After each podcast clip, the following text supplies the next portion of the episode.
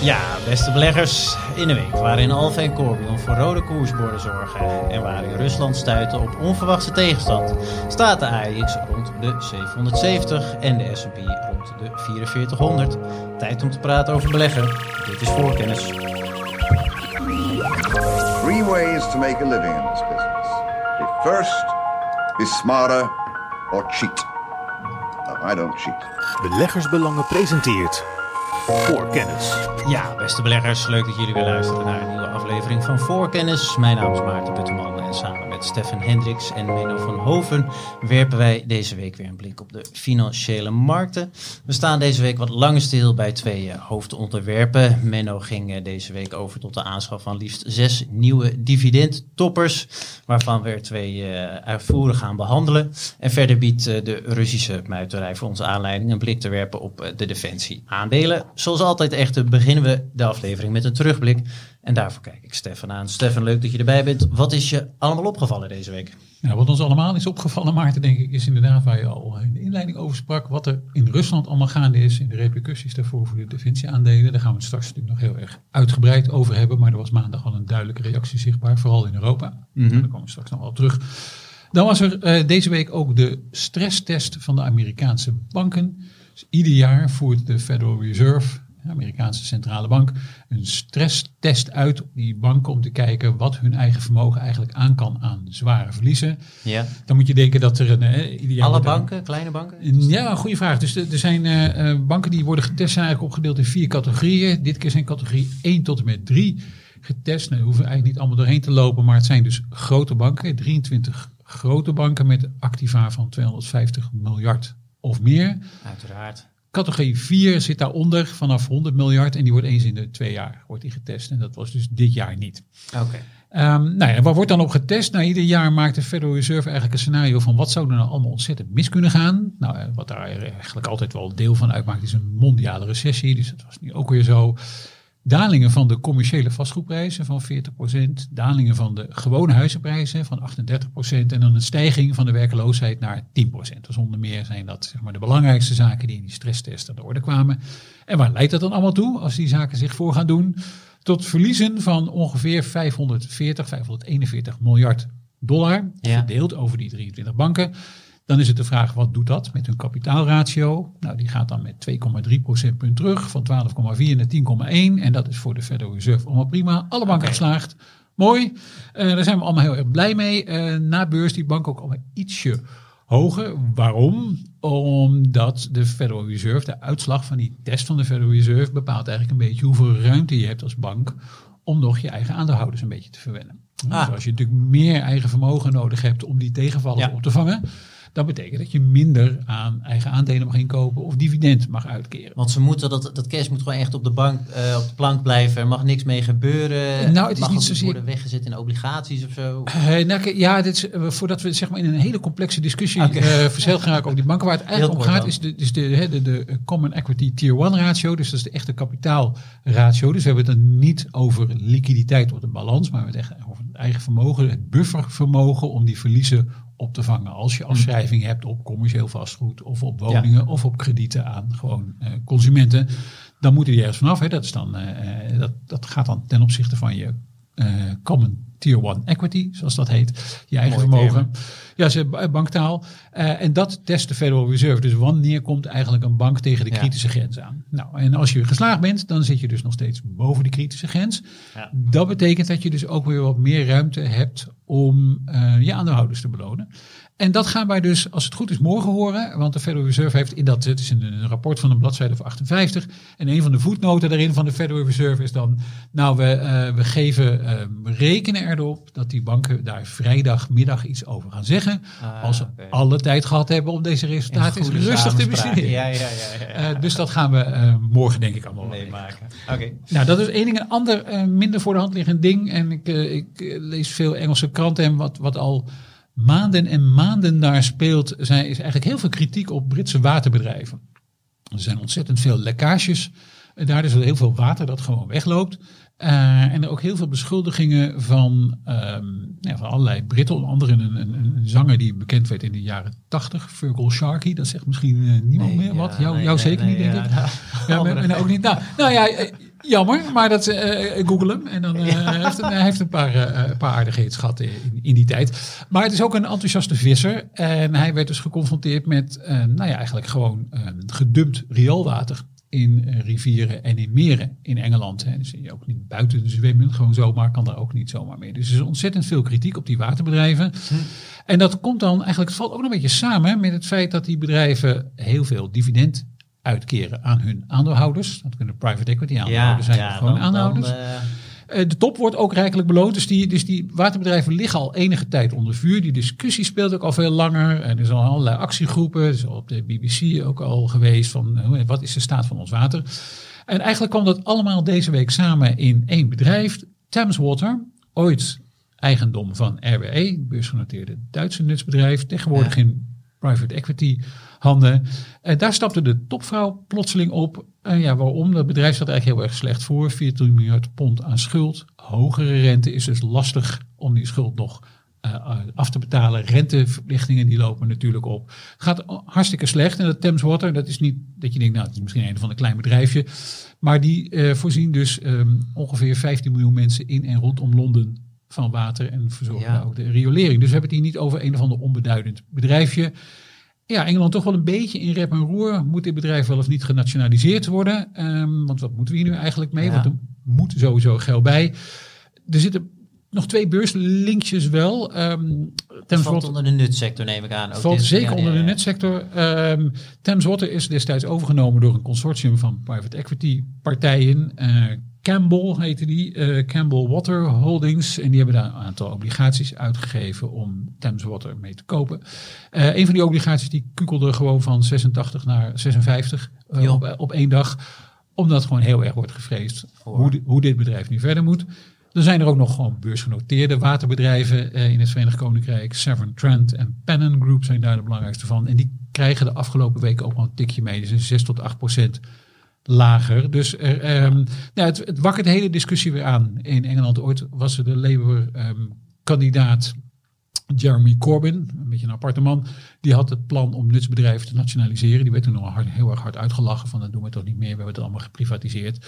En nu komt, die, Ja. eh, eh, ja, komt dit item ook weer op de agenda van de conservatieve regering. Want zij zullen wel iets moeten met dat Thames Water. En dat zal misschien ook repercussies gaan hebben voor die andere beursgenoteerde waterbedrijven. Ja, snap ik. En toch weer die nutsector die met eh, overheden te maken krijgt, logischerwijs. En Ja, dat is, zeker. terugkerend. Alright, was dat dan van jouw kant? Ja, zeker. Dat was oké. Menno, Menno zit er ook. Menno, leuk dat je erbij bent. Wat is jou aan opgevallen deze week? Ja, een aantal dingen. Ik kijk dan eh, in eerste instantie naar Walgreens Boots Alliance, eh, grote apothekersketen in de Verenigde Staten. Zat ook eh, lange tijd in de dividendportefeuille, daar kom ik zo nog even op terug. Eh, maar die kwamen dus met een winstwaarschuwing en aandeel bereikte gewoon de laagste koers in 12 jaar tijd op minder dan 30 dollar.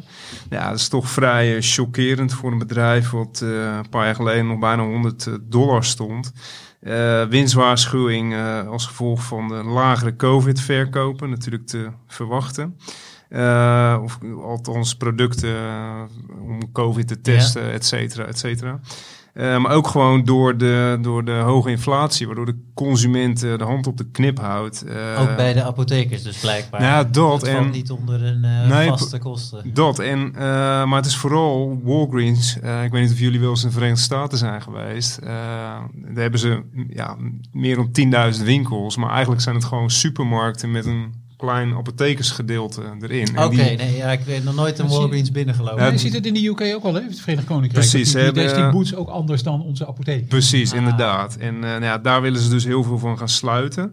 Eh, maar ja, die, die, die, die, die eh, Walgreens winkels zijn gewoon ja, bovengemiddeld eh, aan de prijs, laat maar zeggen. Dus ja, die eh, worden gewoon keihard geraakt eh, door die... eh, Of want ze zitten in het hogere segment. Precies, je? Of ja, precies. Je ziet ze ook vaak gewoon in het centra eh, van de grote steden. Nou, noem maar wat. Eh, Ben je eens een keer in Las Vegas geweest en je moet naar een supermarkt. Dan is de kans groot dat je of bij een CVS of een eh, Walgreens uitkomt. eh, als je gewoon, laat maar zeggen, aan de strip wilt blijven. Ja, ja. Dus zo moet je het een beetje zien. Een beetje de AA-to-go-achtige. eh, Ja, oké.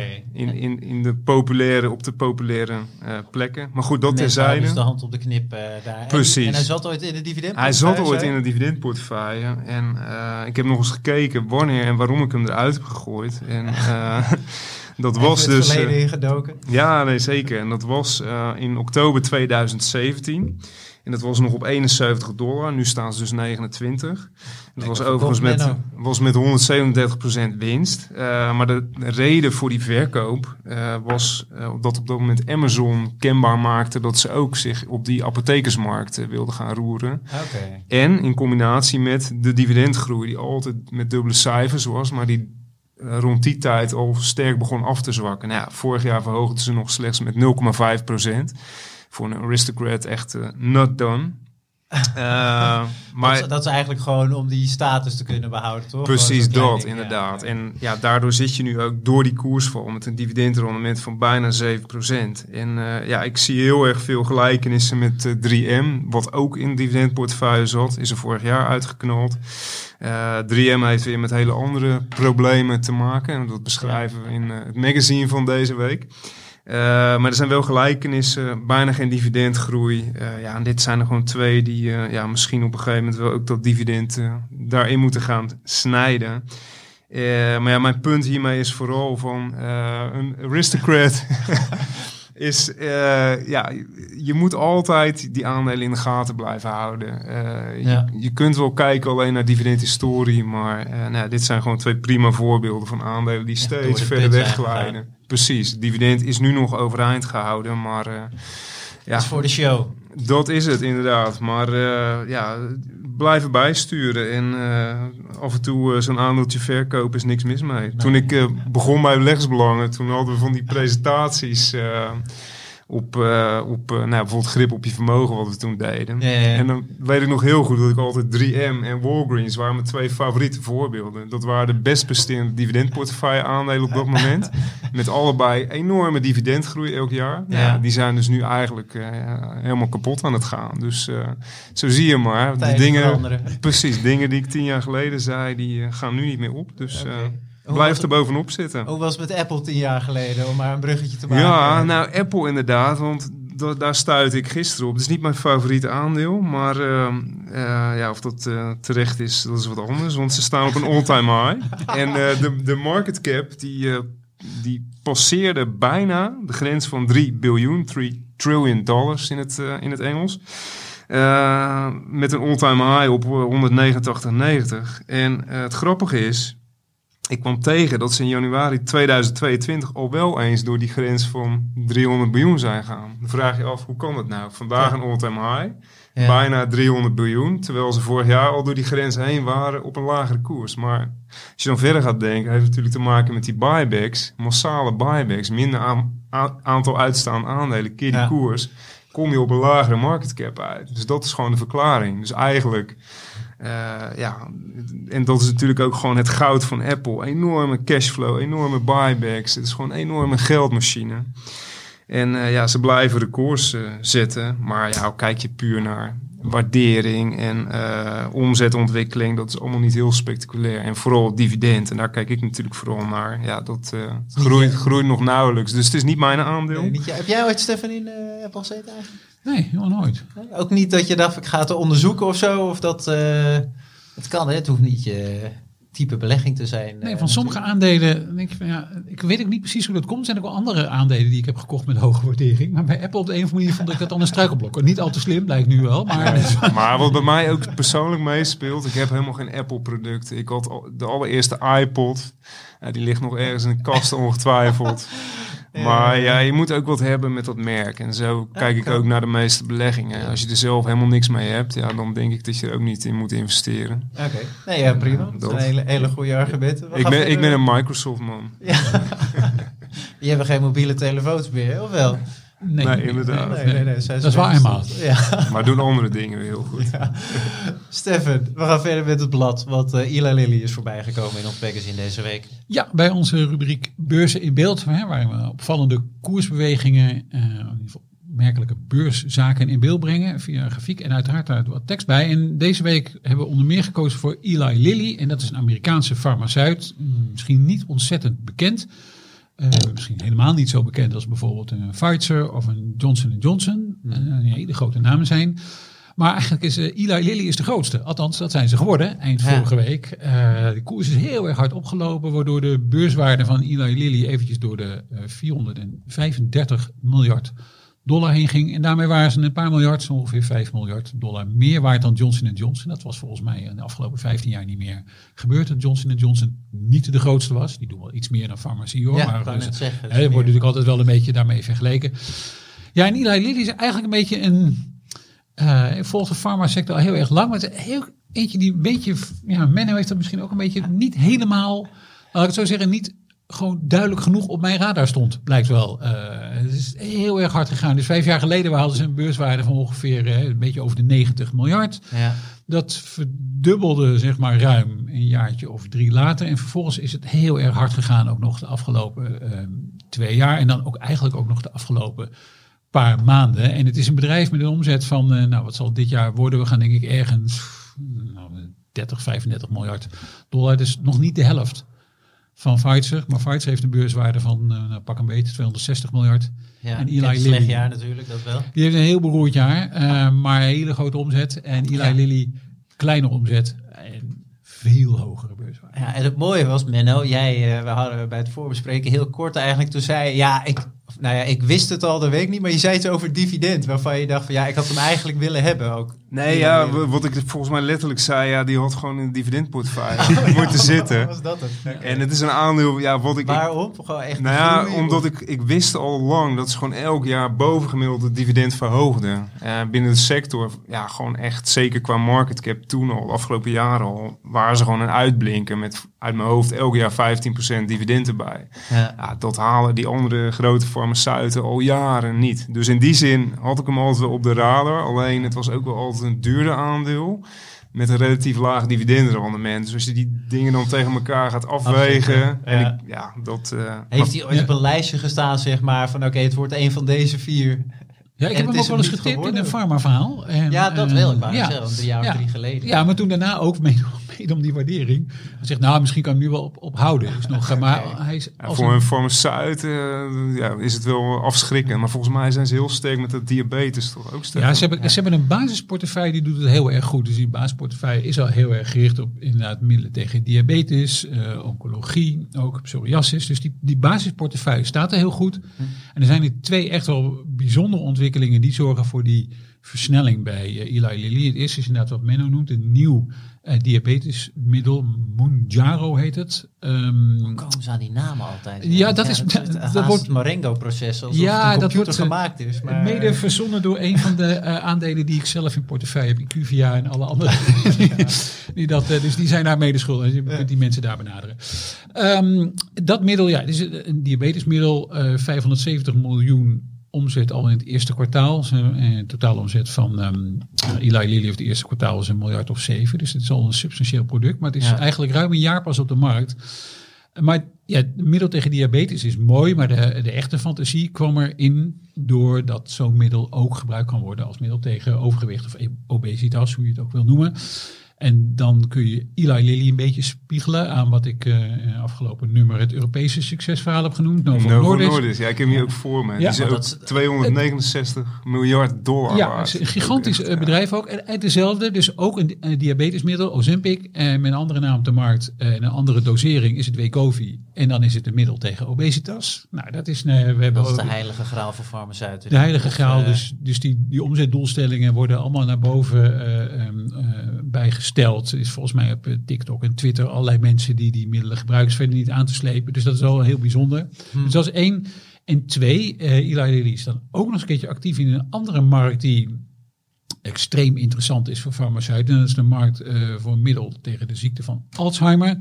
En daar hebben ze recent ook vrij positieve eh, testen laten zien. Een derde fase testen. Dus dan zijn ze al ver gevorderd van een middel heet Donanemab. Ik moet het altijd even opzoeken, want dit is dan nog de, werkzame eh, stof. En dat gaat ook, lijkt ook de goede kant op te gaan. Dus dan komt er nog eigenlijk achter die, die, die, die, basis, die hele sterke basis, al komen er nog eens een keertje twee producten die de fantasie van beleggers enorm prikkelen.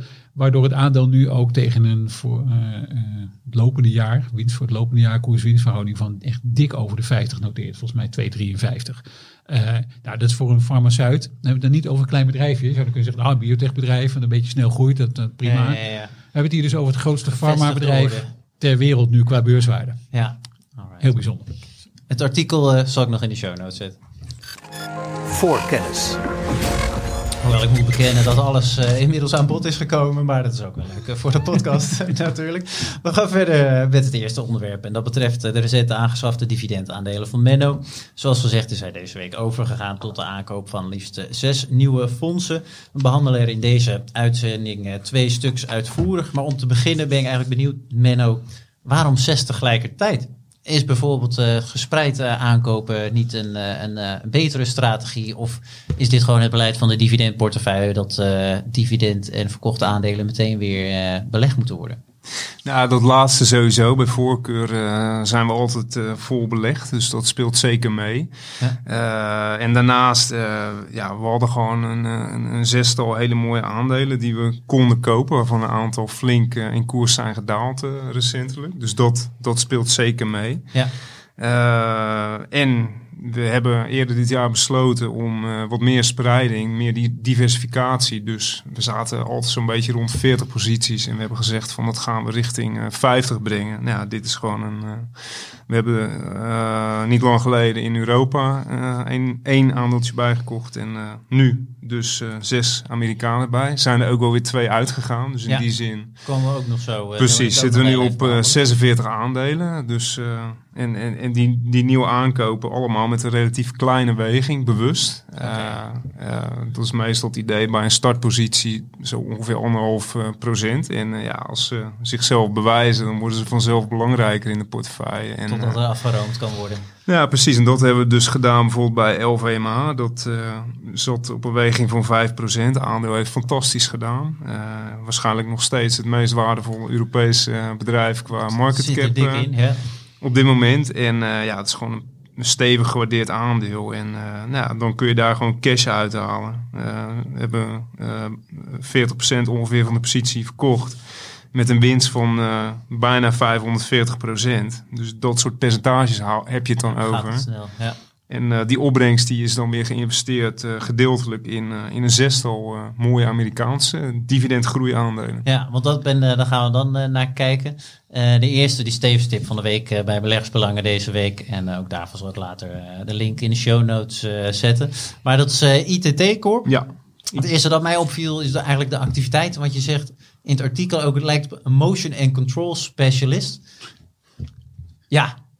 Dus, eh, vertel, wat is dat precies? Nou ja, het zit eigenlijk wat, wat, wat in de naam zit. Alles wat met beweging en controle van industriële processen, maar ook eh, van in vliegtuigen, eh defensietoepassingen.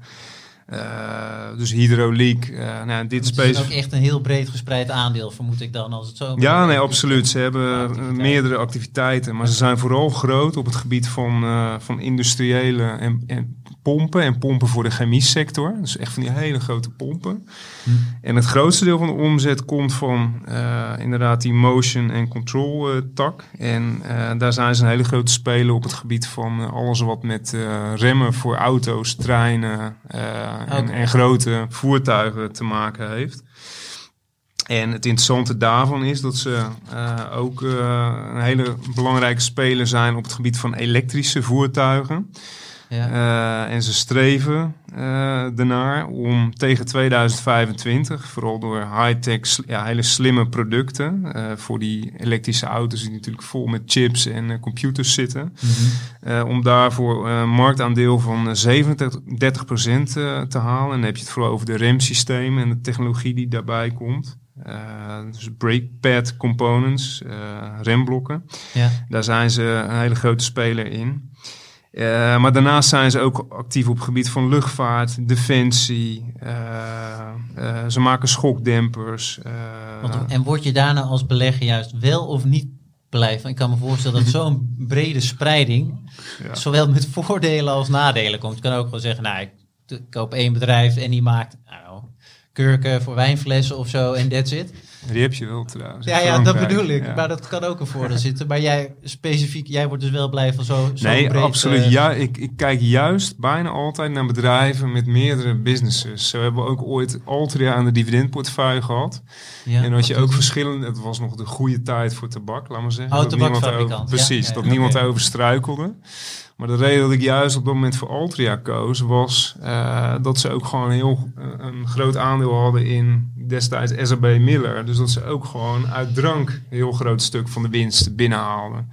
En dat geldt eigenlijk voor de meeste dividendportefeuille aandelen. Die doen meerdere, ja, meerdere takken van sport. Eh, en het volgende aandeel waar we zo eventjes naartoe gaan, ja, die doet dus ook gewoon meerdere dingen. En Ja, meestal zijn het ook op. allemaal het- interessante dingen. Ja, Maar ja, in het geval van ITT ook. Het is een soort, deels vergelijkbaar met Parker Hannifin. ja. Eh, ja, een van de meest succesvolle dividendportefeuille aandelen. Eh, maar die zitten in nu voor een weging van 3,7. ITT start ik met 1,5 procent. Is een iets cyclische bedrijf, vooral ook door die autosector waar ze heel erg van eh, afhankelijk zijn. ja. Eh, maar ja, het is ook wel weer een bedrijf met gewoon unieke businesses waar ze gewoon heel sterk zijn. En het belangrijkste, dit bedrijf is schuldvrij. Eh, een mooie vrije kaststroom. Stefan knikt tevreden. Ja, dus, Altijd zeker. schuldvrij, dan Ja, we- gaat Stefan knikken. Dat, Nou ja, eh, dat, het is wel prettig toch? Als je Ja, tegen tegenvallers aan kan lopen in een. eh, en met name nu met die hogere rente, als je moet gaan Ja. herfinancieren, is voor niet ieder Ja. bedrijf een lolletje. Nee, dat, en daardoor kunnen ze gewoon ook elk jaar dat dividend verhogen. Eh, ze keren maar een relatief klein deel eh, van de winst van de cashflow uit aan dividend. En ze hebben gewoon elk jaar ruimte voor eh, kleine acquisities die ze ook doen.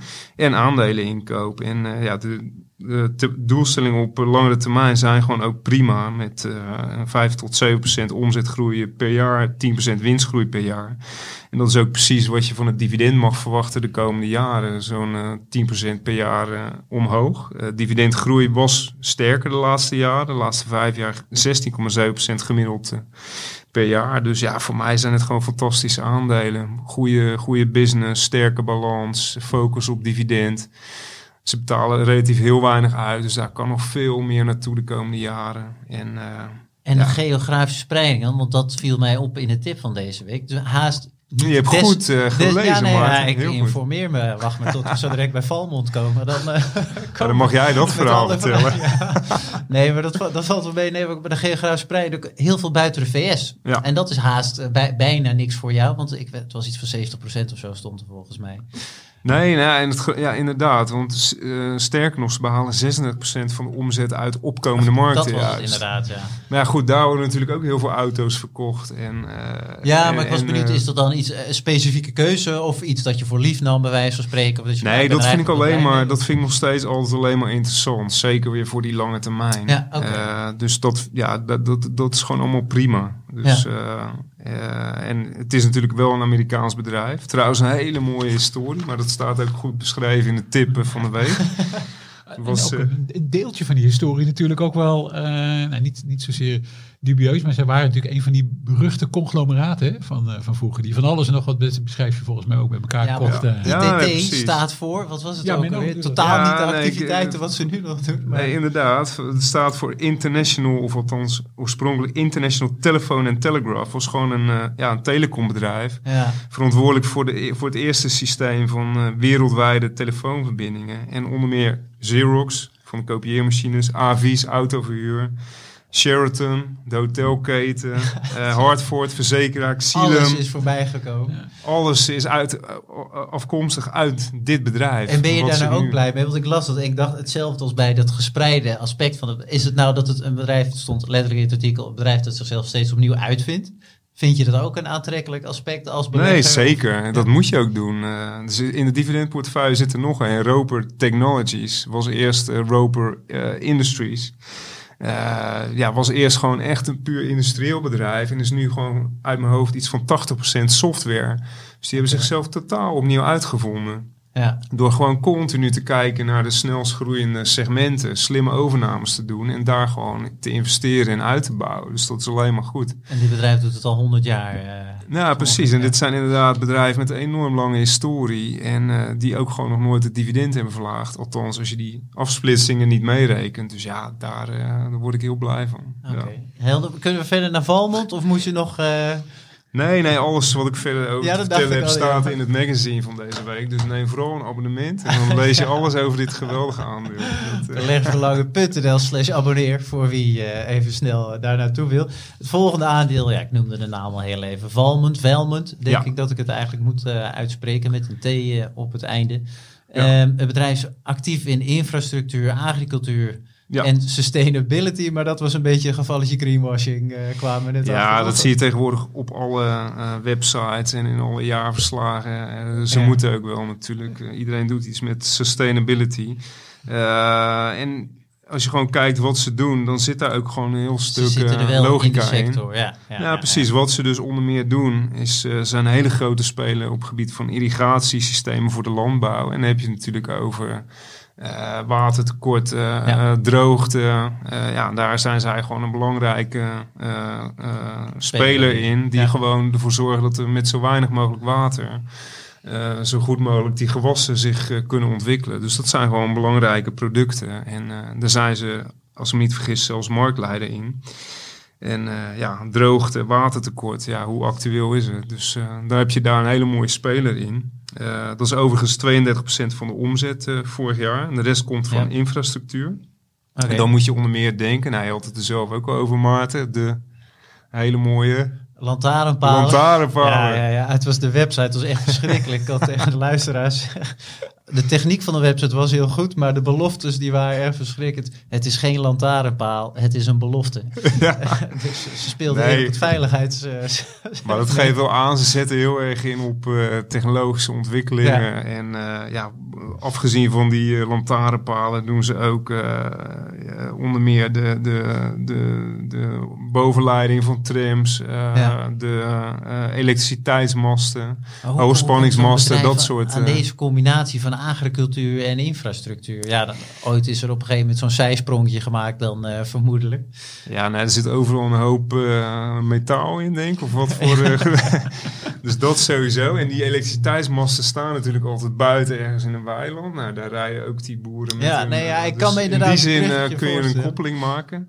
Nee, maar ja, dat zie je natuurlijk wel vaker. Bedrijven met een combinatie van activiteiten. Waar je denkt van ja, hoe, eh, wat Ja, heeft dit met elkaar bij, te bij maken? Eh, bijvoorbeeld, dan staat er nu op het punt dat er gesplitst werd, toch? Omdat eh, de activiteiten Ja, niet helemaal... eh, Dat klopt, maar die splitsing heeft denk ik ook wel een beetje te maken met een gebrek aan succes. Hè? Want als, als het niet heel erg goed gaat, dan staan natuurlijk partijen voor de deur Ja. Nou zou je, zou je de boel dan niet opsplitsen? Want kennelijk heeft het, als je het bij elkaar hebt, weinig voordelen. Toen het met Unilever niet zo goed ging, toen werd ook gezegd, nou haal Ja. de voeding maar weg van die persoonlijke verzorging. Want dan kan je, hè, die afzonderlijke delen kunnen dan misschien sneller groeien of worden overgenomen door iemand Ja. anders. Dus en hier zijn geen geluiden van soortgelijk eh, bij Velment. Het is Nee, blijkbaar ja, een hele logische combinatie. het draait eh, en, en als je dan ook gewoon naar de doelstellingen van dit bedrijf kijkt eh, voor de komende vijf jaar, 5 tot 8 procent organische omzetgroei per jaar, hè, dus exclusief overnames, 14 procent EBIT marge, dat is gewoon prima voor dergelijke business, en 12 tot 15 procent eh, winstgroei per jaar mikken ze op.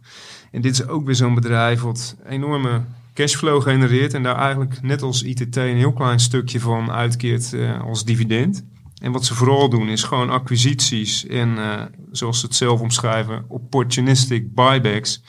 Hm. Nou, dat zie ik dan zelf dan als de koers een tik krijgt. eh, dan gaan ze die eh buyback machine aanzetten. En niet als Apple gewoon continu op een high blijven kopen. Ja. Omdat ze geen andere Ze weten niet wat ze mogelijkheden hebben. doen met de cash. Dat Nou ja, is dat het. management moet dat doen, die cash, denk ik. Dat is ook een van de redenen waarom ze dat doen. Bij. Ah, dat is een hele Precies. belangrijke toevoeging. Nee, dus eh, en, en vooral agribusiness vind ik een heel interessant eh, thema. En Ja, eh, is het eh, ook echt, een, een, een van de andere eh, nieuwe aankopen, waarvan de naam eh, natuurlijk te lezen is in het magazine van deze week. Die Ah, gaan we hier nog niet weggeven. Die is ook eh, actief in die hoek. Zat ook al eerder in een dividendportefeuille. En eh, ja, dat zijn gewoon hele mooie markten, denk ik, ook voor de lange termijn. En het zijn vooral hele mooie dividendaandelen, waarvan er eh, ja, een aantal uh, flinke tik hebben gehad. Wat gewoon een fantastisch koopmoment voor de lange termijn oplevert, wat mij betreft. Oké, en is dat de bank, dat is een mooi bruggetje, is nu met deze zes aankopen de sectorweging of zo weer heel erg veranderd? Hoe past dit zeg maar, is, is er iets grootschalig veranderd of was het gewoon een beetje bij overal? Nou vooropgesteld, uh, we zijn echt, dan heb ik het over Stefan en ik natuurlijk, als beide beheren van de dividendpoort. We zijn vooral stokpikkers en niet zozeer uh, sectorpikkers, als ik dat zo mag zeggen. Uh, maar ja, voor dividendgroei ben je al gauw gebonden aan een paar sectoren. Oh in dit geval industrials, healthcare, en uh, uh, materials en in dit geval ook... Uh, halfgeleiders hebben we natuurlijk ook nog. Precies, halfgeleiders inderdaad. En daar zijn we... bijvoorbeeld volgens mij die erin voorkomen, toch wel? Technologie valt er natuurlijk onder dan. Dus ja, daar hebben we nu wat, wat in teruggebracht. Maar het is niet zo dat we kijken, oh, we moeten zoveel in die sector. Nee, als we goede aandelen zien, dan pakken we die gewoon. En één nieuwe aankoop doet eigenlijk precies hetzelfde als een Europees bedrijf wat al in de dividendportefeuille zat. Ja. Uh, een slotenmaker. En, uh, maar dat is ook gewoon een heel mooi bedrijf. Dus dan pakken we er gewoon twee. Twee mooie aandelen. In plaats dat we zeggen van ja, we hebben al niet zo de Europese speler. Dus we gaan nu niet meer. Dat, dat maakt niet uit. Als het goede aandelen zijn, komen ze gewoon in. Ongeacht of we al iets in die hoek hebben. Oké, en, nog heel even kort ook. Want ja, verkopen is voor beleggers net zo belangrijk uh, als, als kopen wellicht. Ehm, er zijn er twee uitgegaan. Waarom? Was het puur dividendverlagingen? Was het een gemis van groei? Waren er andere redenen? Ja. Wat, uh, vertel, wat is er nou, uitgegaan? Twee, twee zijn er volledig uit. Uh, Eén van Medtronic, nou, dat uh, kan Stefan ook over meepraten. Hij is natuurlijk de, de, de, de, de sectorspecialist. Maar voor mij was heel belangrijk dat het dividend dit jaar voor het eerst een jaar eigenlijk bijna niet omhoog ging. Dat is echt een red flag. À la 3M, à la Walgreens, inderdaad. Ja. Maar onderliggend uh, is, is Medtronic ook gewoon uh, niet nee. best. Uh, er zit eigenlijk al tijden niet echt muziek meer in. Je hebt bedrijven die zijn heel erg sterk uit corona gekomen. En er zijn bedrijven die hebben er echt nog heel erg last van. En Medtronic is een van die bedrijven die daar last van heeft. Omdat een heleboel operaties uitgesteld. zijn uitgesteld. Daar hebben zij gewoon last van.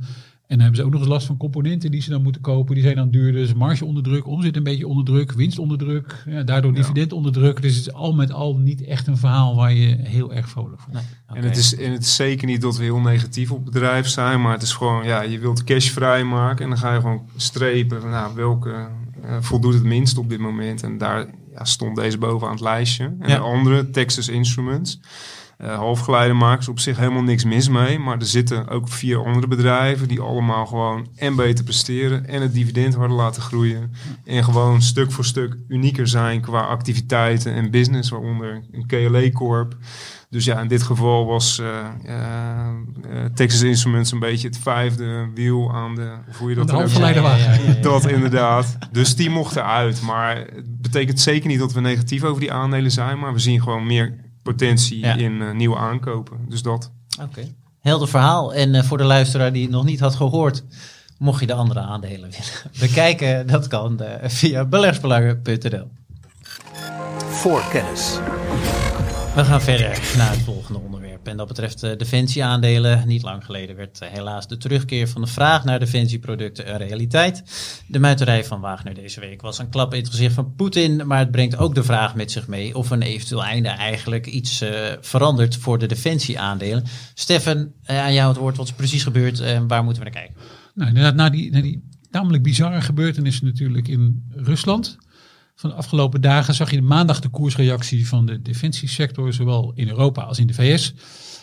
Allemaal lager eigenlijk. In de, in de VS niet zo heel erg. In Europa tijdelijks. Uh, hey, ik hou het dan nou maar bij. En ik heb ze natuurlijk een aantal zelf ook in portefeuille.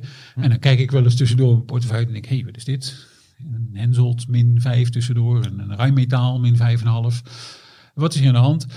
Um, ja, wat er aan de hand was eigenlijk, is dat werden hele snelle stappen gezet eigenlijk. Dus door de, door de hele actie van die Wagner-groep werd verondersteld, nou misschien is de positie van Poetin toch niet zo sterk als gedacht. Oh, als die positie van Poetin niet zo sterk is als gedacht, is het dan, zijn de kansen voor Oekraïne om die oorlog te winnen dan groter geworden? Wordt misschien Poetin wel uh, afgezet? En Oh, dan is de volgende stap van beleggers. Ja, wat betekent dat eigenlijk voor die defensieaandelen? Ja, die gaan misschien minder, eh, in het geval van Rijnmetaal bijvoorbeeld, minder munitie leveren aan Oekraïne. En dat zou zich wel eens kunnen vertalen in lagere omzet, lagere winst. Nou ja, dan krijg je dus ook een, een, een koersdaling daarvan.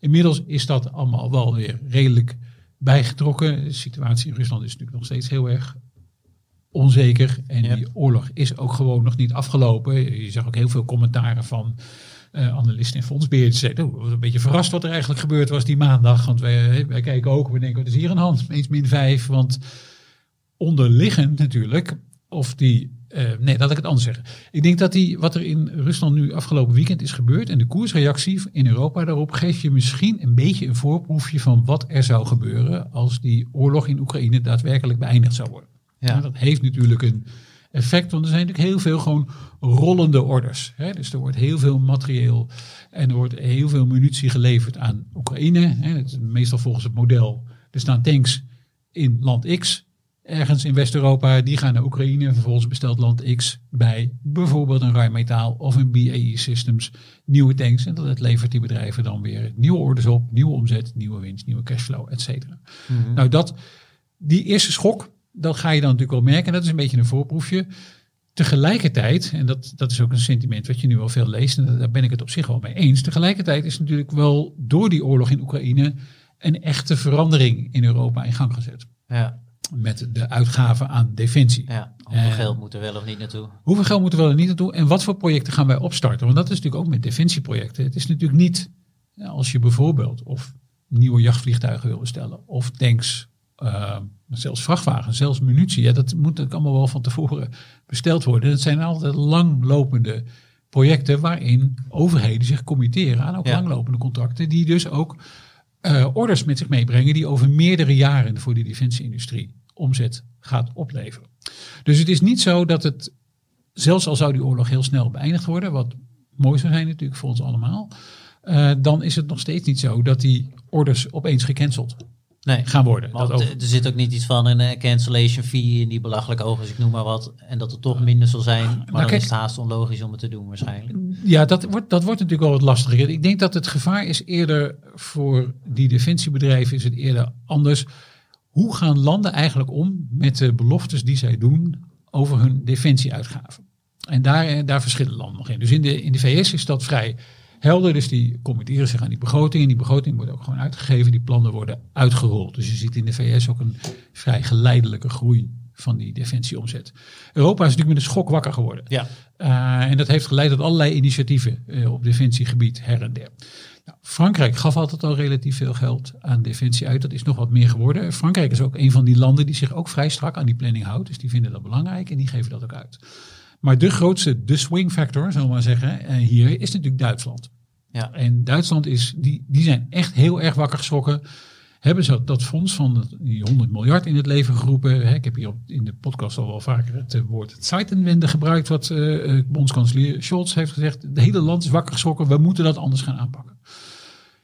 Duitsland heeft niet een recent fantastisch track record van het omzetten van die plannen in daadwerkelijke defensieuitgaven. Oké. Ik zeg recent natuurlijk, eh, de afgelopen, laat maar eens even zeggen, de afgelopen twintig jaar. We gaan niet verder terug in de geschiedenis, maar de afgelopen twintig jaar. Ehm, dat moet nu wel gaan veranderen. En ehm, dat gaat denk ik ook wel veranderen, maar het gaat in Duitsland wel allemaal wat trager. Want meer weerstand of eh De, wat men dan het zo vreselijk het procurement proces noemt. Dus er komt een, een order. De Du- Duitse ministerie van Defensie wil wat. Een aanbesteding. Er wordt een order. Nou, die orders moeten allemaal goedgekeurd worden. Dat loopt allemaal langs verschillende eh, bureaus. Dat moet dan nog eens een keertje door het parlement heen. Zeker volgens mij als het gaat om uitgaven van meer dan 25 miljoen. Dus dat is een wat stropiger proces en, en henselt. Eh, een van de aandelen die ik zelf ook in portefeuille heb, die ooit volgens mij als eerste in beleggsbelangen door Menno is getipt, denk ik, vlak na een eh, eh, beursgang Menno, toch? Ja, als IPO. Als IPO, ja. hè? Ja. Eh, is een bedrijf dat ook zegt van ja, dat kan wel, eh, hè, voordat die orders echt helemaal op gang komen, vier, vijf jaar in beslag nemen. Oké, ja. En dat is wat je dus ziet. Tegelijkertijd, en dat is een beetje zoals beleggers natuurlijk in elkaar zitten. Ja, die orders nemen misschien wel drie, vier, vijf jaar in beslag. Maar die koersen schieten als een gek omhoog. En dan met name van de koersen van bedrijven die actief zijn in landen die het meest zijn wakker geschrokken. Dus Ja. dan kun je Zweden kun je dan noemen, Duitsland. Daar zijn de koersen heel erg hard gegaan. Dus Saab in Zweden, Rheinmetall in Duitsland, Hensoldt in Duitsland. Dat is echt heel erg hard gegaan. Ja. En in vergelijking daarmee is bijvoorbeeld Thales in Frankrijk of BAE Systems in het Verenigd Koninkrijk ook hard gegaan, maar geleidelijk. waren al verder. Die waren verder. Ja. Ja, oké. En dan is het dan zo, eh, daar ben ik ook benieuwd naar, want Zweden noem je al heel even. Saab is een van de aandelen die ooit voorbij is gekomen. Die is ook nog eh, met de NAVO bezig, Finland in ieder geval. Gaat dat ook nog ergens een, een rol spelen dat er meer defensiebudget gaat komen naartoe moet? Ja, zeker. Nou, dat- dat kun je al zien in het orderboek van Saab. Als je ook bij de eerste kwartaalcijfers was het al duidelijk. Dat het orderboek wordt maar voller en voller. Dat is eigenlijk een beetje een doorlopend thema in die defensiesector. Dat is een van de redenen waarom ik nog steeds op een, niet noodzakelijkerwijs op zes of twaalf maanden, maar ik heb ze zelf in portefeuille, dit soort aandelen, voor jaren. Omdat dit, dit zijn hele lange bewegingen die, die naar jou toe gaan komen als belegger. Die bedrijven gaan veel geld verdienen en een deel daarvan komt ook wel bij jou terecht. Dividendgroei van, nou, als je een BAE Systems neemt, volgens mij steeg dat al vanaf 2003 met wisselende percentages. Typisch zo'n bedrijf dat dat nog jaren en jaren vol kan houden. Want is het zo dat je kan zeggen, je kan haast gewoon één op één van opdrachten zeggen, we zoveel komt nu vanwege Rusland, Oekraïne, maar de rest onderliggend zien we ook al. Is dat echt zo één op één te koppelen en uit de cijfers te halen? Of Nou, voor, de, voor een aantal, voor die Duitse bedrijven geldt dat wat meer. Dat dat echt een, eh, dat dat een, een, eh, een in Duitsland wordt een beetje verkocht natuurlijk met, we hebben een tijd lang ons helemaal niet aan die NAVO-norm gehouden. Hè, van Nee. 2% van je BBP uitgeven aan defensie. Duitsland zat daar altijd ver en ver onder. Er werden daar, eh, volgens mij aan het begin van zijn presidentschap al door Donald Trump destijds feitjes op geweest. Je moet zelf ook eens wat gaan doen. En eh, nou, heeft hij misschien een heleboel dingen gezegd waar je je vraagtekens bij kan zetten. Hier had hij er wel gelijk in. Dat in Duitsland al jarenlang veel te weinig heeft uitgegeven. Niet alleen Duitsland, ook nog andere landen in Europa. Beetje geparasiteerd, eh, ge- geparasiteerd moet ik zeggen, op de Amerikaanse defensieuitgaven. Hè? Want als er dan wat aan de hand was, dan was er altijd wel de VS die voor Europa dingen op ging lossen. Omdat die oorlog, denk ik nu in Oekraïne, dat het zo dichtbij gekomen is bij ons. Je ziet Polen bijvoorbeeld, een gigantische uitgave. Dat gaat volgens mij over de 4% van de BBP heen. Maar ook andere landen, Finland, grenzend aan Ja. eh, eh, Rusland natuurlijk, en ook Zweden, die gaan ook opeens heel veel meer uitgeven of krijgen heel veel meer opdrachten binnen. Dus die, die defensiesector, het is niet leuk voor, voor ons hè, als inwoners van Europa, maar die defensiesector is gewoon een groeimarkt. Dat gaat jarenlang gaan Ja. die omzetten nog eh, voor die verschillende defensiebedrijven met ergens tussen de 5 en de 15 procent stijgen. Ja, en ik was dan bij ook nog benieuwd, want ik zag eh, de koersbeweging natuurlijk naar de initiële reactie, wat is twee jaar geleden ruim, een zware spike. Maar ook eh, begin dit jaar eigenlijk, vanaf eind vorig jaar tot en met ja, een paar maanden geleden of zo, zijn echt die aandelen nog echt weer verder gaan stijgen. Wat, is, Ja. er- wat was daar de, wat, waren dat nog toezeggingen of iets Ja, dergelijks? dan beginnen die orders een beetje door te komen. Oké, dus van dat- bevestiging van inderdaad Ja. het proces dat eh, dan binnenkomt. Ja, dat wordt, dat wordt iets zichtbaarder en dat gaat, ehm, dat gaat bij het ene bedrijf, wat ik al zei, wat sneller dan bij het eh, andere bedrijf. En bij het ene bedrijf gaat het ook wat geleidelijker dan bij het andere Ja. bedrijf. Dus als je in die defensiesector kun je nu al zien, zijn er een paar die hebben echt, die, die zijn zo hard omhoog geschoten. Dus een, een Saab staat nu tegen 26 keer de winst voor dit jaar. En die winst is al opgehoogd. Dus dat is al stevig. Die hebben een hele hoge waardering. En een BAE Systems is bijvoorbeeld nog geen 16 keer. En dat is denk ik een beetje het verschil. BAE Systems veel meer gespreid, zowel regionaal als qua eh, activiteit. Ja. Ehm, dat is een bedrijf dat zich gewoon geleidelijker ontwikkelt. Nog even los van die hele vreselijke oorlog in Oekraïne. Maar BAE Systems is bijvoorbeeld ook een partij die profiteert van die defensiealliantie tussen Australië, de Verenigde Staten en het Verenigd Koninkrijk. Hè, dreiging van, eventuele dreiging van China. Dus in Mm. Australië worden de defensieuitgaven ook opgevoerd. Nou, daar speelt BAE, omdat het zo'n wereldwijde speler is, ook een rol in. En daar heeft bijvoorbeeld een ja, Rijnmetaal kan er wel iets bij doen, misschien met een Australische tankorder. Maar voor Hensoldt Maar is dat bijvoorbeeld al wat minder. En voor Saab is dat ook al wel wat minder. Oké, helder. Dan ben ik op zich benieuwd naar, nog afsluitend, want wij volgen, eh zeg ik uit mijn hoofd, of jij of wij, een viertal eh, aandelen wat intensiever. Dat zijn Saab, Hensoldt, Rijnmetal en BAE. Ja.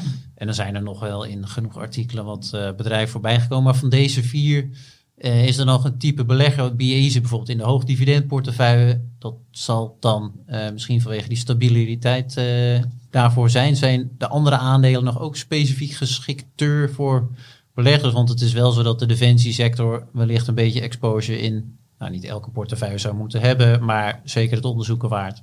Ja, absoluut. En BAE Systems zit inderdaad, eh, zoals je terecht zegt, niet voor niks in de eh, hoogdividendportefeuille. Want we hebben hier over een aandeel dat gewoon geleidelijk groeit. Dat er ingekomen is met een dividendrendement. Zat toen eh, tegen de 4% aan. Nou, de koers van BAE Systems is ook heel erg hard opgelopen. Dus dat dividendrendement is, ondanks het feit dat het dividend maar oploopt, inmiddels naar 2,9% ongeveer teruggezakt.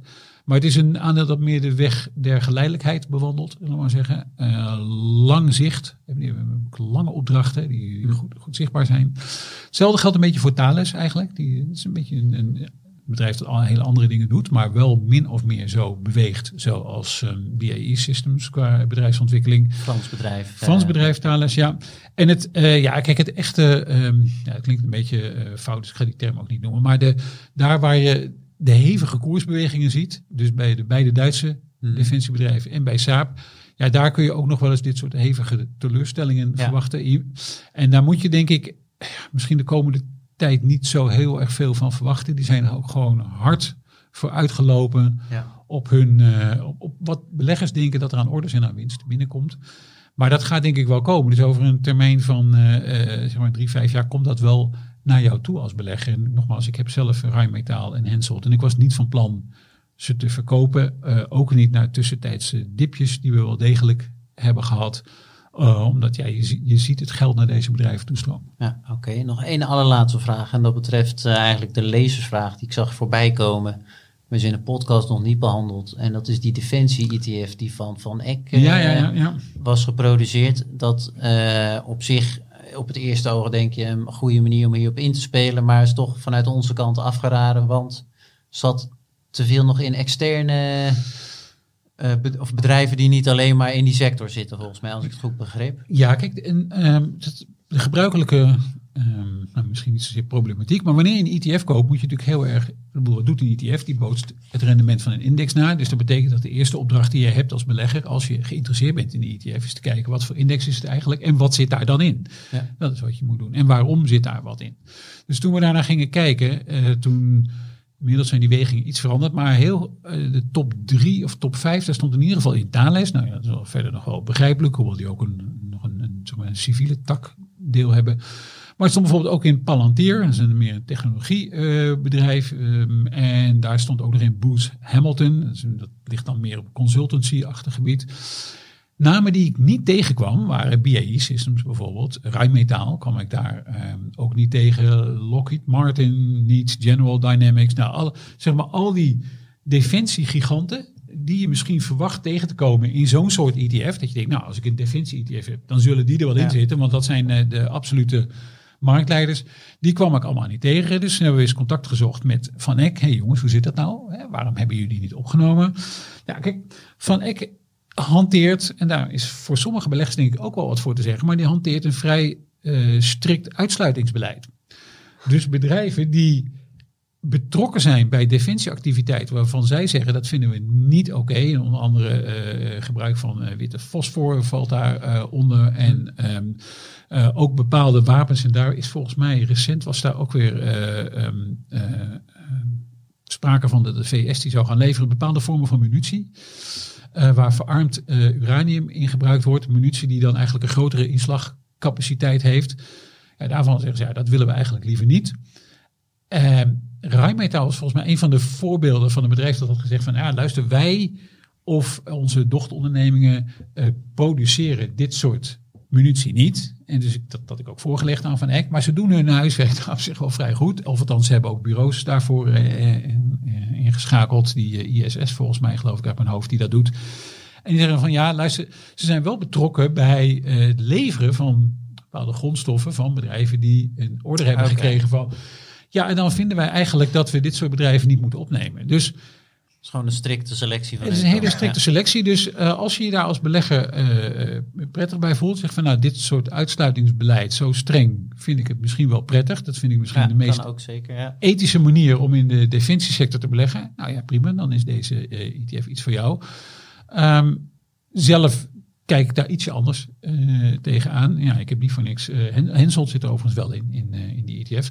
Maar ik heb niet voor niks eh Hensoldt en uh, Ruimetaal zelf in portefeuille. En we hebben ook niet voor niks al heel lang eh, BAE Systems eh, in de hoogdividendportefeuille. En die blijft er ook nog wel even in, denk ik, gezien hun dividendontwikkeling. Dus het is ook maar een beetje hoe je daar als individuele belegger tegenover staat. Oké, helder. Dankjewel. Voorkennis. We hadden verder niet eh, afgesproken dat nog iets van een vooruitblik te doen. Maar ik zag dat Menno net eh, tien minuten lang op zijn laptop heeft gekeken. en dat betekent ongetwijfeld dat hij eh, iets heeft gevonden om te noemen waar hij volgende week naar gaat kijken. Denk ik zomaar, of vul ik het heel verkeerd in, Menno? Nee dat, nee, dat klopt niet helemaal. Maar zitten we nog onder de 50 minuten? Dat vind ik even Nee, nee, nee, nee, nee, Oh, nee, nee, nou, nee, Dat is dan weer jammer. Dan gewoon heel simpel een korte vraag of een van jullie nog iets heeft waar hij naar uitkijkt volgende week. Zo niet, dan ga ik er lekker eh, een einde aanbreien voor eh, deze aflevering. Zo makkelijk gaat het ook wel weer. Dankjewel eh Stefan voor uiteraard de bijdrage weer deze week. Ook Menno, weer bedankt voor de bijdrage. Volgende week zit ik er weer en dan zit ik er met Michiel Pekelharing en Jeff Thijssen. Luisteraars bedankt voor het luisteren, kijkers bedankt voor het kijken en tot volgende week.